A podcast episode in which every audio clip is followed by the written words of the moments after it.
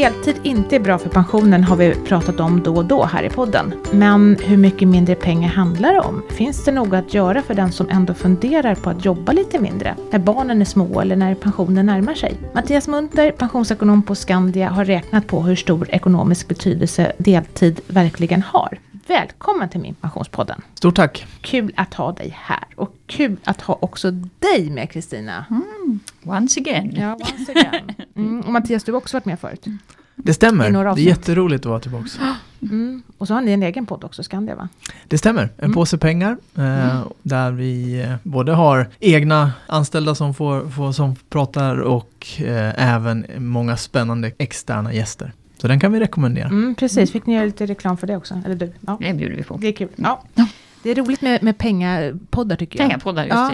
det. Eh, ja, men nu har ni gjort en rapport om deltidsfällan egentligen. Det fanns inte riktigt ändå. Du ser lite bekymrad ut när jag säger sådär. Men du, eh, ni gjorde ju det förut i alla fall, en, en, eh, en rapport om deltidsfällan. Hur skiljer sig den här rapporten som ni har tagit fram nu mot den? Vi kallar rapporten för karriärfokus. Och egentligen så grundar sig idén till den här rapporten i debatten som har varit de senaste åren kring om det lönar sig att arbeta tillräckligt mycket i vårt pensionssystem. Och framförallt så har det varit en fråga eh, i det allmänna pensionssystemet. Så grundtesen som vi hade här, det var att undersöka drivkrafterna för arbete, om det lönar sig att arbeta för hela pensionen, det vill säga inklusive tjänstepension. Och om det finns några skillnader mellan olika grupper eller generationer, alltså yrkeskategorier eller generationer, när det gäller drivkrafterna till arbete. Eh, och det vi gjorde, det var att vi använde då alternativet till karriärfokus, alltså att liksom satsa på karriären och maximera den. Alternativet valde vi då att räkna på eh, deltidsarbete efter småbarnsåren. Så därav kopplingen till eh, deltidsarbete och, och därmed får vi också fram kostnaden för deltidsarbete. Men man kan ju säga att eh, ett alternativ till karriärfokus kan ju vara att man bara inte går helhjärtat in i karriären och därmed får en liknande löneutveckling eller en liknande löneskillnad jämfört med den som har fullt karriärfokus. Och då blir ju de här räkneexemplen lika relevanta så att säga. Så att, eh, Men deltidsarbete var det vi lyfte som, som typ typ exempel, men som sagt, det skulle kunna vara motsvarande löneutveckling eller löneskillnader som också, så det blir relevant även ur den aspekten. Mm. Men vad ser ni då? Vad, vad, finns det en drivkraft för arbete eller kan vi strunta i att jobba?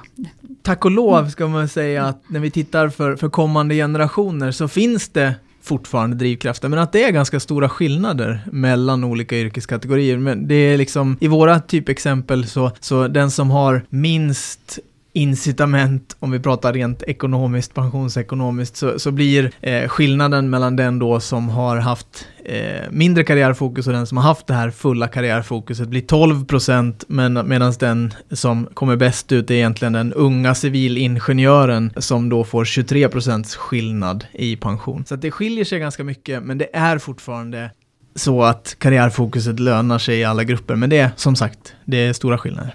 Mm. Har ni kollat mellan könen också? I det här fallet, när vi ska titta på systemets drivkrafter, så har vi inte valt könsskillnad, alltså titta på kön, och det är av den enkla anledningen att systemet i sig gör ju inte skillnad på kön när det Nej. handlar om avsättningar och intjäning, utan det är ju inkomster och, och eh, arbetad tid som, som styr. Så därmed så har vi liksom inte skurit det på, på den ledden. Det har vi ju däremot gjort i många andra rapporter. Det har ni. Mm. Men då tänkte jag fråga, för du säger ju det då, den här ingenjören som får, alltså där det uppenbarligen lönar sig bättre att arbeta då. Vad är, vad är det som påverkar? Vad är det som gör att du så att säga kan toppa din pension så mycket mer där än i andra sektorer? Är det lönen eller finns det andra saker som styr? Det är lönen som spelar stor roll. Och när vi tittar, vi kan titta individuellt i generationsskillnader om vi tar civilingenjörer som exempel så ser vi att 90-talisterna kom, ser ut i lönestatistiken när vi tittar har kommit in på en bättre arbetsmarknad än till exempel 80-talisterna Mm, så ja. de för, förväntas få en betydligt bättre utväxling, alltså att, att löneutvecklingen ser, ser mycket bättre ut för den generationen, då får de ett, ett, eh, större genomslag. Och det hänger ihop med också att eh, på högre lönenivåer så blir tjänstepensionen mycket, mycket viktigare. Så då är det också intressant, alltså vad tjänstepensionsavtalet ger. Så att lönenivån, eh, tjänstepensionsavtalet kan man säga. Såg inte du också det när du tittade? Jo, jag har också att sett att 90-talisterna kom bättre 90-talisterna, ut? det som är ännu mer spännande med 90-talisterna, men de är fortfarande väldigt unga, det är ju då att eh, kvinnor verkar klara sig bättre än män. Men jag tänkte sen då, då på, på just det här med Eh, tjänstepensionerna som ju drar iväg på högre inkomster. Då måste det ju också ha en viss betydelse om den här civilingenjören då går ner i deltid. För att då tappar man ju väldigt mycket tjänstepensionsintjänande. Är det liksom där skon klämmer eller?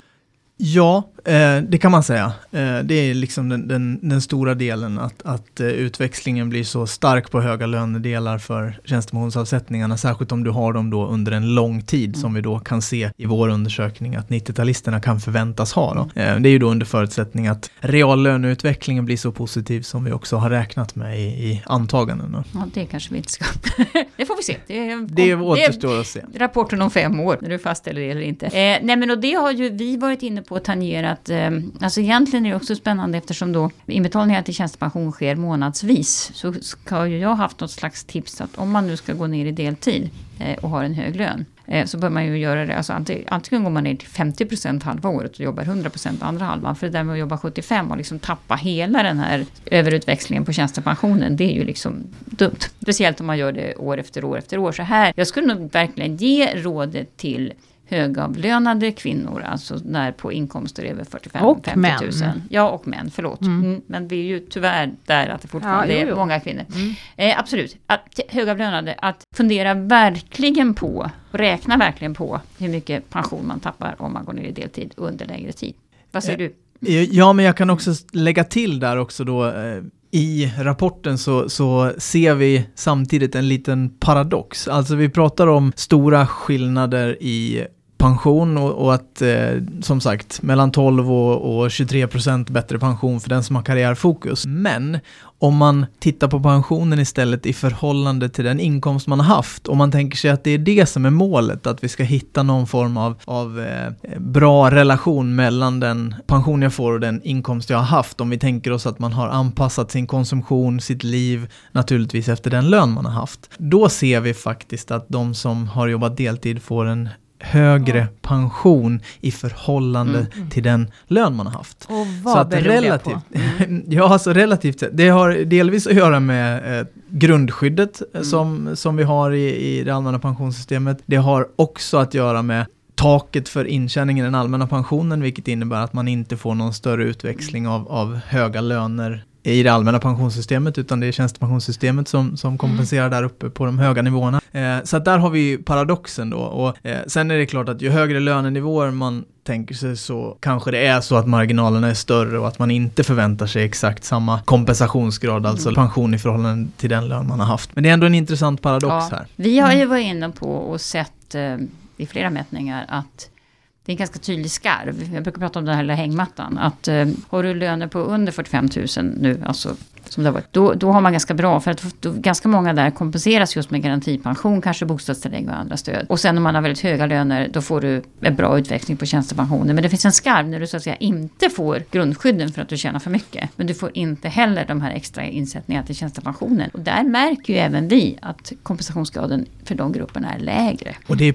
precis det som vi har sett i många andra av våra rapporter också, att det är den här stora gruppen i mitten som, Mm. precis som du är inne på, man kommer inte vara föremål för grundskydd och, och liksom skattefinansierade förmåner eh, som tillägg till pensionen. Och man kommer heller inte att, i alla fall inte under en särskilt lång tid av karriären, ha höga avsättningar i tjänstepensionen. Eh, och då är det ju den stora gruppen i mitten som har störst incitament att spara lite grann på egen hand för att öka den här eh, kompensationsgraden, alltså få en bättre pension i förhållande till den lön man har haft. För precis som du säger, det är den stora gruppen som kommer att få den lägsta pensionen i förhållande till den lön man har haft. Men kan man säga tvärtom också? Där, det är ju en grupp som det kanske inte har särskilt ont av att jobba deltid. Det beror på, ja det, så skulle man kunna se det. I, och sär, särskilt eh, i, i vissa yrkeskategorier så ser vi att effekten blir, blir eh, mindre. Eh, man kan, Hur eh, stor är den ungefär? Menar om vi nu pratar om en människa som har kanske 30 000 i lön och går ner i deltid. Vad, vad tappar er pension då? Ja, det var ju då me mellan, mellan 12 och 23 procent. Mm. Så den som har, har lägst eh, skillnad, eller lägst effekt, det är 12% skillnad då i våra exempel. Och då har vi tittat på aktuella lönenivåer. Då kan man säga att det är eh, offentlig sektor, eh, genomsnittliga löner och därunder, ja men då eh, blir det minst skillnad om man säger. Mm. Minst effekt. Har ni även, nu måste jag bara fråga en nördfråga, har ni även tagit hänsyn där till att eh, i offentlig sektor så får man ju föräldraledighetsersättning till sin tjänstepension i ganska många år? Absolut, Mm. det, har vi, det har vi tittat på. Ja, så det spelar också roll. Ja, absolut. Mm. Och, och det är ju som, som vi har försöker tjata om så mycket som möjligt, är just den här föräldraledighetstiden. Nu har vi räknat på att i, i våra typfall så är man i en samborelation där man delar lika på föräldraledigheten, men det är inte föräldraledigheten som är det stora Nej. problemet. Eh, det är inte där eh, pensionskostnaden uppstår, för precis som du säger så finns det kompensationslösningar för, för de allra flesta där, medan eh, det blir efter föräldraledigheten under småbarnsåren och kanske vidare därefter, det är ju det som blir den stora effekten. Mm. Nu har vi pratat om hur det påverkar, men eh, har ni också kollat på hur vanligt det är att personer jobbar deltid långa perioder? Då får vi gå tillbaka till förra årets rapport där vi tittade på vad vi kallar pensionsfällorna i livet. Och där Mhm. hade vi lite mer eh, koppling till eh, statistik, alltså faktisk eh, statistik. Eh, och då är det ju så att deltidsarbete är tre gånger vanligare bland kvinnor än män. Mhm. Eh, så att Mm. eh, ungefär tre av tio kvinnor medan en av tio män jobbar deltid. Den vanligaste orsaken i båda grupperna är naturligtvis att man inte får ett heltidsjobb. Men den näst vanligaste orsaken då i männens fall blir det studier och i kvinnans fall är det småbarnsåren kan man säga, alltså att ta hand om eh, familjen. Så det är statistiken där. Har ni kollat på om eh, drivkraften för arbete skiljer sig åt mellan generationer? För ni hade kollat på olika generationer, va? 70, 80, 90-talister. Exakt, och då Ja. kan man se, eh, så som lönestatistiken är, så, och vad den ger, vi var inne på det tidigare, 90-talisterna har kommit in på en bättre arbetsmarknad än 80-talisterna, så det, vi, ser att det är de som har lång, längst kvar till pensionen. I våra beräkningar så är det de som gynnas mest då, även om det är, som sagt, det är störst skillnader mellan ingenjörerna, annars är det ganska små skillnader, då skiljer det 12, mellan 12 och 14, alltså det skiljer ett par procent enheter mellan generationerna i övrigt. Man, Men får fundera på, jag menar, kan det vara rent olönsamt att utbilda sig fast man liksom inte tänkte på det? Att först så utbildade jag mig och skaffade en fin utbildning och sen så kom jag på att jag skulle skaffa familj och så jobbade jag deltid en massa år och så kanske jag faktiskt eh, fick ett sämre utfall. Det där är en intressant fråga om, om utbildningspremien generellt. Mm. I, I Sverige jämfört med andra länder så kan man nog se att, att utbildningspremien brukar sägas vara lägre i Sverige än i, än i andra länder. Eh, sen ska man ju säga att, att utbilda sig, att investera i sig själv är ju alltid en bra idé för pensionen givet att man, man bör förvänta sig en, en, eh, i alla fall en, en något högre lön och därmed så får du pensionseffekt. Eh, eh, det som är risken här, det är ju det som vi också har lyft i, i andra sammanhang och det är ju när börjar vi arbeta? När tar vi vår examen och etablerar oss långsiktigt på arbetsmarknaden? Eh, det är ju en, en jätte, jätteviktig fråga där vi ser att examensåldern i Sverige sticker ut negativt, att vi är väldigt sena med att ta examen, kanske upp mot 30 år i, i en del fall. Och då, även om man har jobbat innan man pluggade, så är det ju först efter akademisk examen som man etablerar sig långsiktigt på arbetsmarknaden i sitt yrke och i de flesta fall också börjar få tjänstepension. Så att eh, det är ju en pensionsfälla i sig då, att, Mm. att komma ut sent, för då har du inte så många år på dig att bygga upp pensionen då. Det i sig driver ju ännu större krav på att jobba längre då, Mm. förlänga sitt arbetsliv. Mm. Och jobba heltid kanske dessutom. Jobba heltid dessutom, eller spara mer då. Mm. Mm. Men eh, alltså det här med kvinnor vill jag återkomma till. Det är ju många kvinnor som blir utbrända och många säger att de inte orkar jobba mer än 80 procent. Och det är kanske främst då inom vården som man hör det. Men väljer kvinnor fel jobb?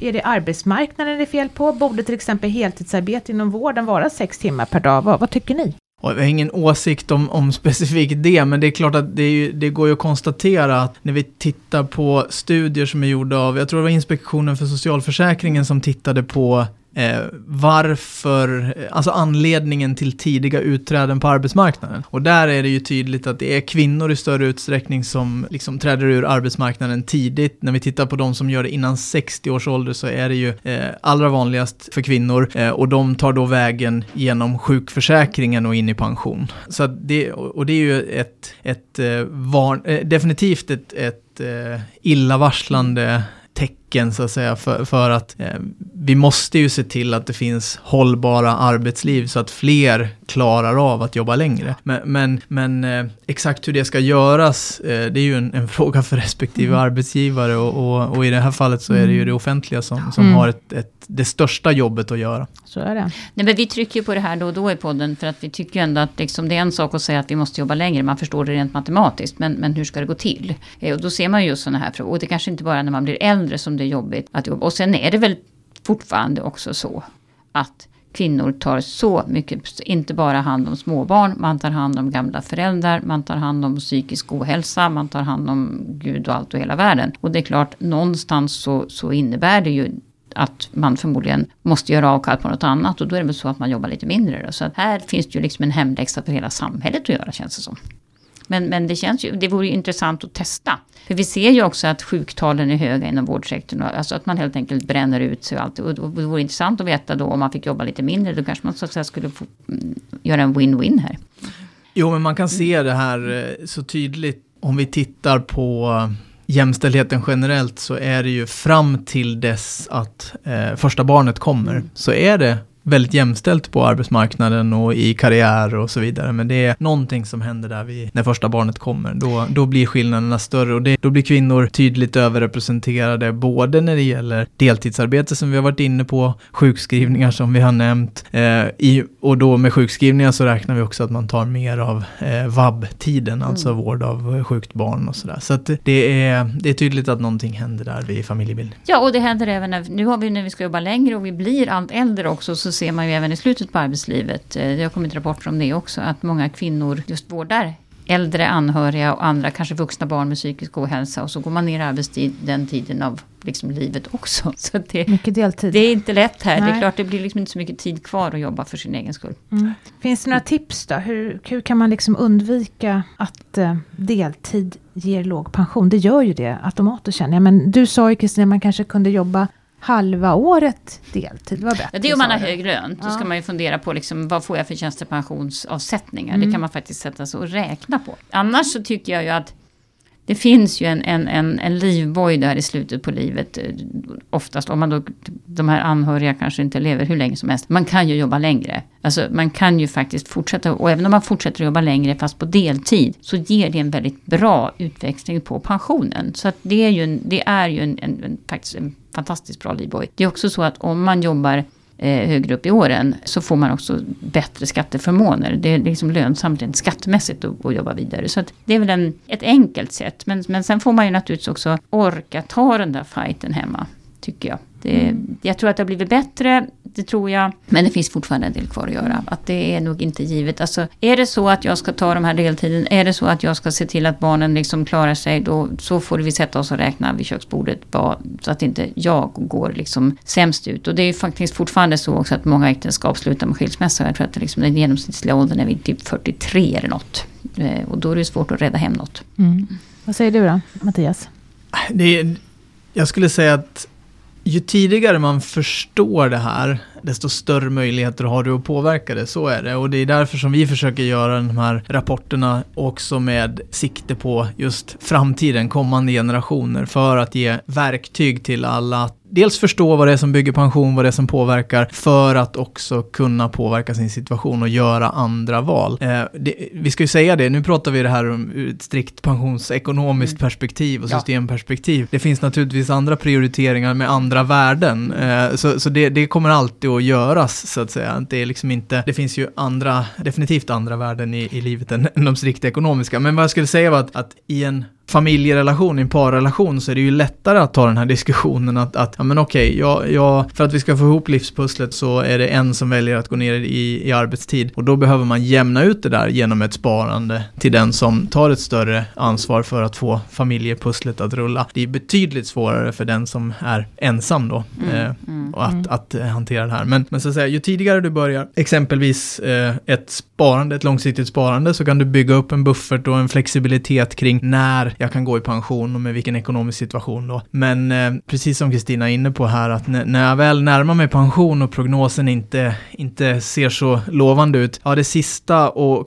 mycket kraftfulla verktyget jag har kvar, det är ju att försöka jobba vidare. Så att jobba längre, det finns kvar för de allra flesta, men att planera för det när jag har 35 år kvar Mm. till pensionen, Mm, det är lite svårt. Mm. Så därmed, så här och nu så skulle jag säga att så, så mycket som möjligt försök bygga upp en buffert, alltså ha ett långsiktigt sparande som syftar till pension, för att det kommer kan man Kan behövas ändå. Ja, jag menar det. det är, du kommer tacka dig själv i framtiden. Ja. Och det Sen handlar ju måste- inte om att man ska avstå någonting som gör att, att det, det behöver inte kännas som en stor uppoffring. Och ju tidigare du börjar, desto mindre av uppoffring blir det i förhållande till det du roliga du vill göra i vardagen. Jag skulle ändå vilja skicka med en passus att det här handlar ju inte bara om pensioner. Alltså jobbar du deltid så är det också så att blir du sjuk får du lägre sjukpenning och lägre a-kassa om du blir av med jobbet. Så att det liksom, man måste tänka hela skalan. Eh, man måste helt enkelt, det är jättebra att liksom sätta sig ner ändå och göra den här krislistan. Alltså Mm. vad händer om jag blir sjuk, vad händer om jag blir arbetslös, vad händer om du dör och alltihop det där, vad händer om vi skiljer oss. Det är Eh, precis det ja. som är hela, hela, hela eh, rådgivningsutbildningen för våra, för våra rådgivare. Det, det går ut på det. Det är det vi sätter oss ner med kunderna och gör. Mm. Eh, Vi sätter oss och funderar på vad händer om jag blir sjuk, vad händer om jag dör och vad händer om jag blir gammal och frisk. Ja, Mm. Men alltså jag tänker fortfarande på de här inom vården, alltså som Mm. inte orkar. Jag tror det handlar inte om vilja där, det handlar nog om att Nej. det bara inte går kanske. Man måste leva. Fast det, jag tror ändå, alltså nu om vi då tittar också. på till exempel de här avtalen, kommunala avtalen, där man ändå har liksom ökat insättningarna, man har gjort en del. Eh, så där har det blivit bättre, men kvarstår är ju att man faktiskt måste säga ifrån att det här håller inte, vi kan inte jobba under de här premiss, premisserna. Och det, det är väl också så nu att det är, så, det är faktiskt svårt att få tag på anställda och det kan ju faktiskt vara en fördel. Det kan ju faktiskt Ja, bli det så kanske blir en man, debatt. Det Mm. blir en debatt kring Mm. det här. Hörru du Mattias, du är ju själv småbarnspappa. Stämmer bra. Ja, hur tänker du då kring din deltid? Nyligen tillbaka från en, en längre föräldraledighet eh, och eh, Du räknade på din egen pension hela tiden och säger shit nu har jag tappat 10 spänn. Nej, eh, har, man, har man bra grundkoll som sagt så är det inte föräldraledigheten som är utmaningen utan det är de beslut vi tar från och med nu eh, och framåt. Men det ska ju sägas att, att eh, så som, ja i alla fall här, livet i, i storstan så har man eh, längre pendlingstider till arbetet vilket gör att det blir, det blir långa dagar på förskolan för, för barnen och väldigt lite tid med, med familjen, det ska jag säga. Så att det känner man av redan nu. Så att det, det är klart att nu har vi inte någon av oss valt att, att gå ner i deltid, men jag kan verkligen förstå behovet. Alltså, eh, och vi har, i i mitt fall så har vi ingen eh, mormor, morfar, farmor och farfar som, som eh, finns på armlängds avstånd för att borde- avlasta. Det borde ingå tycker jag, en egen mormor och farmor på armlängds avstånd och mera sånt. Ja, men det, jag tror att det är många som Ja, är helt det är beroende av det för Det att få så. ihop livspusslet. Så att, så att eh, jag, har, jag har stor förståelse för de som måste välja en, en deltidsväg under småbarnsåren. För det, det, och, och det finns ju naturligtvis stora värden i det, att eh, liksom få ihop Vi eh, kanske få ska ta livet. det också, för den som inte vet om det. Så att jag menar, det är ju ändå så att man kompenseras ganska mycket. Till exempel i, pensions, i den allmänna pensionen så har man den här barnårsrätten som man får i fyra år. Och man, i tjänstepensionsavtalen får man ju ändå premieinbetalningar fast man kanske jobbar både inte alls eller jobbar deltid. Så att det gäller ju att kolla sin, i sitt egen, sina egna villkor också. För jag tycker liksom att, jag tror inte det är så himla farligt faktiskt att jobba deltid några år när barnen är små. Jag tror verkligen inte det. Jag tror att den stora faran är ju att man fortsätter att göra det. Mm. Exakt, det är när det blir under lång tid som det, som det börjar kosta mycket och som, som vi var inne på alldeles nyss här, med kunskap om vad, vad det här innebär så kan jag också på ett relativt enkelt sätt kompensera för det med ett sparande om jag vill. Är man gift så att föra över premiepensionen, det räcker. Det, är liksom, det, det kompenserar för, för de allra flesta sit- situationer. Kristina, du jobbar ju också deltid. Ja, Hur Fast jag har- är ju lite äldre. Jo, precis. Du har ju då valt att göra det i slutet Mm. av arbetslivet. Hur, känner du att det har påverkat din pension? Har du räknat, antar jag att du har gjort? Ja, det har jag ju gjort och det är klart att det påverkar. Eh, men min idé var ju då att om jag gick ner i arbetstid så var ju liksom grejen att jag skulle jobba några år till istället. Mm. För att kompensera och det är bra utväx, utväxling på det. Men till alla som då funderar på att göra det här, vilket väldigt många gör. Det är ju ganska rätt att räkna ut vad man så att säga förlorar i allmän pension. Och är det så att man faktiskt även efter deltid har kvar 50 000 i lön, vilket inte så många har, men det finns. Eh, då förlorar man faktiskt ingenting i den allmänna pensionen. Så då är det ju bara att köra. Men man kan ju förlora tjänstepensionen och här måste man verkligen titta på vad är det för avtal jag har? Hur fungerar inbetalningarna här? Finns det liksom avtrappningsregler som jag kan gynnas av? Eh, där ska man ju fråga arbetsgivare eller fack. Eller ringa liksom, eh, bolagen som hanterar pensionen för de är också ganska duktiga på det här. Och, och där var vi faktiskt inne på en, en eh, statistisk uppgift kring deltid som vi missade när, när vi tidigare här och det är just att deltid är vanligast bland äldre och yngre Mm. av förklarliga skäl. Yngre för att man kombinerar med studier, äldre för att man kombinerar med pension. Så att, eh, och sen har vi pratat mycket om de som är då resten av karriären men, men att eh, det är fortfarande eh, den, den största gruppen handlar om, om Spännande. eh, tidigt och sent i livet. Det blir inte så många år kvar med heltid. Nej. Spännande Ja. det också faktiskt. Och Ja. vi får väl erkänna här också då att vi har svårt att hantera deltider. Vill man simulera det på min pension så, är, så går det faktiskt inte. Och det är ju någonting som vi är väldigt medvetna om och försöker jobba för att lösa. Men det är många avtal och det är, det är, inte, det är inte bara, tyvärr. Så att, men vi jobbar för att det ska bli bättre. Och till dess så kan man få en, en hygglig uppfattning om olika yrkeskategorier och generationer genom att läsa Skandias rapporter. Så Jaha, är det. Mm. Verkligen. Ja. Eh, Och jag tänker, var hittar man er rapport? Den hittar man på skandia.se, så det är bara in Under på vår pressidan, hemsida. va? Under presssidan så hittar man eh, direkt till rapporterna och eh, det finns ju pressmeddelanden på alla rapporter Mm. men även i, i pressrummet där så finns en, en flik med bara rapporter och sen för den som prenumererar på vårt nyhetsbrev så får man också regelbundet nyheter om eh, våra, våra rapporter och allt annat som händer. Och vilken fråga har vi missat att ställa då? Ah, jag kan inte komma på att ni har missat något. Nej, Vi är rätt då? kompletta. Du känner jag också dig nöjd, Ja, Kristina? jag tycker Ja. det. Men jag tycker den här frågan lär vi återkomma till. Det är liksom en, en ständig Ja, tyvärr för det är ju det alltid så. den som, som ändå gör att man inte får lika Mm. hög pension. Mm. Absolut. Och det Den är, och tjänstepension måste jag säga också. Ja, det. Tjänstepension är jätteviktigt att man har. Det är bra. ja, vikten av tjänstepension kommer vi fortsätta tjata om. Mm, Ja. Verkligen. Men tack så mycket för att du ville komma hit idag och prata om rapporten. Stort tack!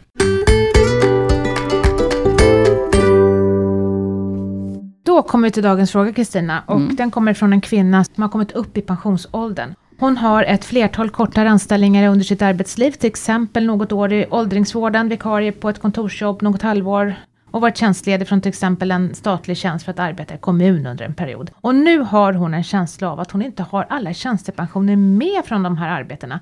De syns helt enkelt inte på min pension. Och hon har varit i kontakt med valcentraler och sådär och de kunde inte heller hjälpa till. Vad ska hon göra? Hur får hon koll på att allting är med? Ja, och jag tror att hon kan ha råkat lite illa ut beroende på att avtalen egentligen var sämre för på tjänstepensionssidan än vad de är idag. Men om vi börjar med den allmänna pensionen, den är ganska enkel att kolla att man har liksom fått det man ska tjäna in. Man går in på Pensionsmyndigheten, loggar in med BankID, personnummer, kollar på Se mina pensionskonton. Då kommer allt intjänande till den allmänna pensionen kommer som en lång rad där. Så där kan man då känna sig liksom trygg. Men sen när det gäller tjänstepensioner och som det beskrivs här, hoppat mellan olika anställningar, något vikarie. Alltså där är det nog tyvärr så att de gamla tjänstepensionsavtalen, om man säger på 1900-talet, de var annorlunda än de som vi har idag och det var väldigt ofta så att man för det första inte fick någon som helst tjänstepensionsbetalning före 28 års ålder för att de var konstruerade på det sättet. Och för det andra så var det väldigt, väldigt sällan som man fick tjänstepension för vikariat och timanställningar. Det här är inte den första kvinnan som hört av sig om precis samma sak och svaren är tyvärr väldigt nedslående. Att eh, det är förmodligen där det sitter, att hon har helt enkelt inte fått någon tjänstepensionsinbetalning. Och det är därför inte valcentralerna heller kan hitta några uppgifter. För annars är ju det, om man misstänker att, vänta nu, hur är det med mina tjänstepensioner? Så kan man ju höra av sig till valcentralerna. Det är alltså dit arbetsgivare du har haft har betalat in dina tjänstepensionspengar. Eh, och då har de uppgifter vem det är som har betalat in de här pengarna. Men om inte de har några uppgifter om dig så är det ju risk för att du då inte har och tjänstepension. Hon hade ju varit anställd också inom kommun och region. Mm. Och då är det väl så att då kunde kommunerna på den tiden också ha det i sin balansräkning, va? pensionsskulder. Ja. Och då är det väl arbetsgivaren kanske man ska kontakta. Man kan, ju, man kan alltid kontakta gamla arbetsgivare också Ja. och hoppas att de fortfarande finns kvar. Men jag menar kommuner och statlig tjänst, där- de går ju inte i putten. Annars är det knepigare naturligtvis om en arbetsgivare går till konkurs och sådär. Men då, är ju, då brukar ju valcentralen ändå ha den här kollen på det. här. Mm. Så att jag tror helt enkelt att hon är ett offer för gamla dåliga tjänstepensionsavtal. Tråkigt. Ja. Det var allt för oss idag. Tack för att du har lyssnat. I avsnittet har du hört Mattias Munter, pensionsekonom på Skandia, Christian Kamp och mig Maria Eklund från Min Pension, som är en oberoende tjänst i samarbete mellan staten och pensionsbolagen där du får bättre koll på dina pensioner. Och gillar du vår podd så hoppas jag att du följer oss i en poddkanal, för då får du pushar när vi släpper nya avsnitt. Där hittar du också våra tidigare avsnitt och kan förkovra dig massor i pension. Om du har frågor som du vill att vi tar upp i kommande avsnitt, ja då kan du mejla oss på poddatminpension.se. Och jag hoppas att vi snart hörs igen. Ta hand om dig och din pension till dess. Ha det så bra. Hej! Hej då!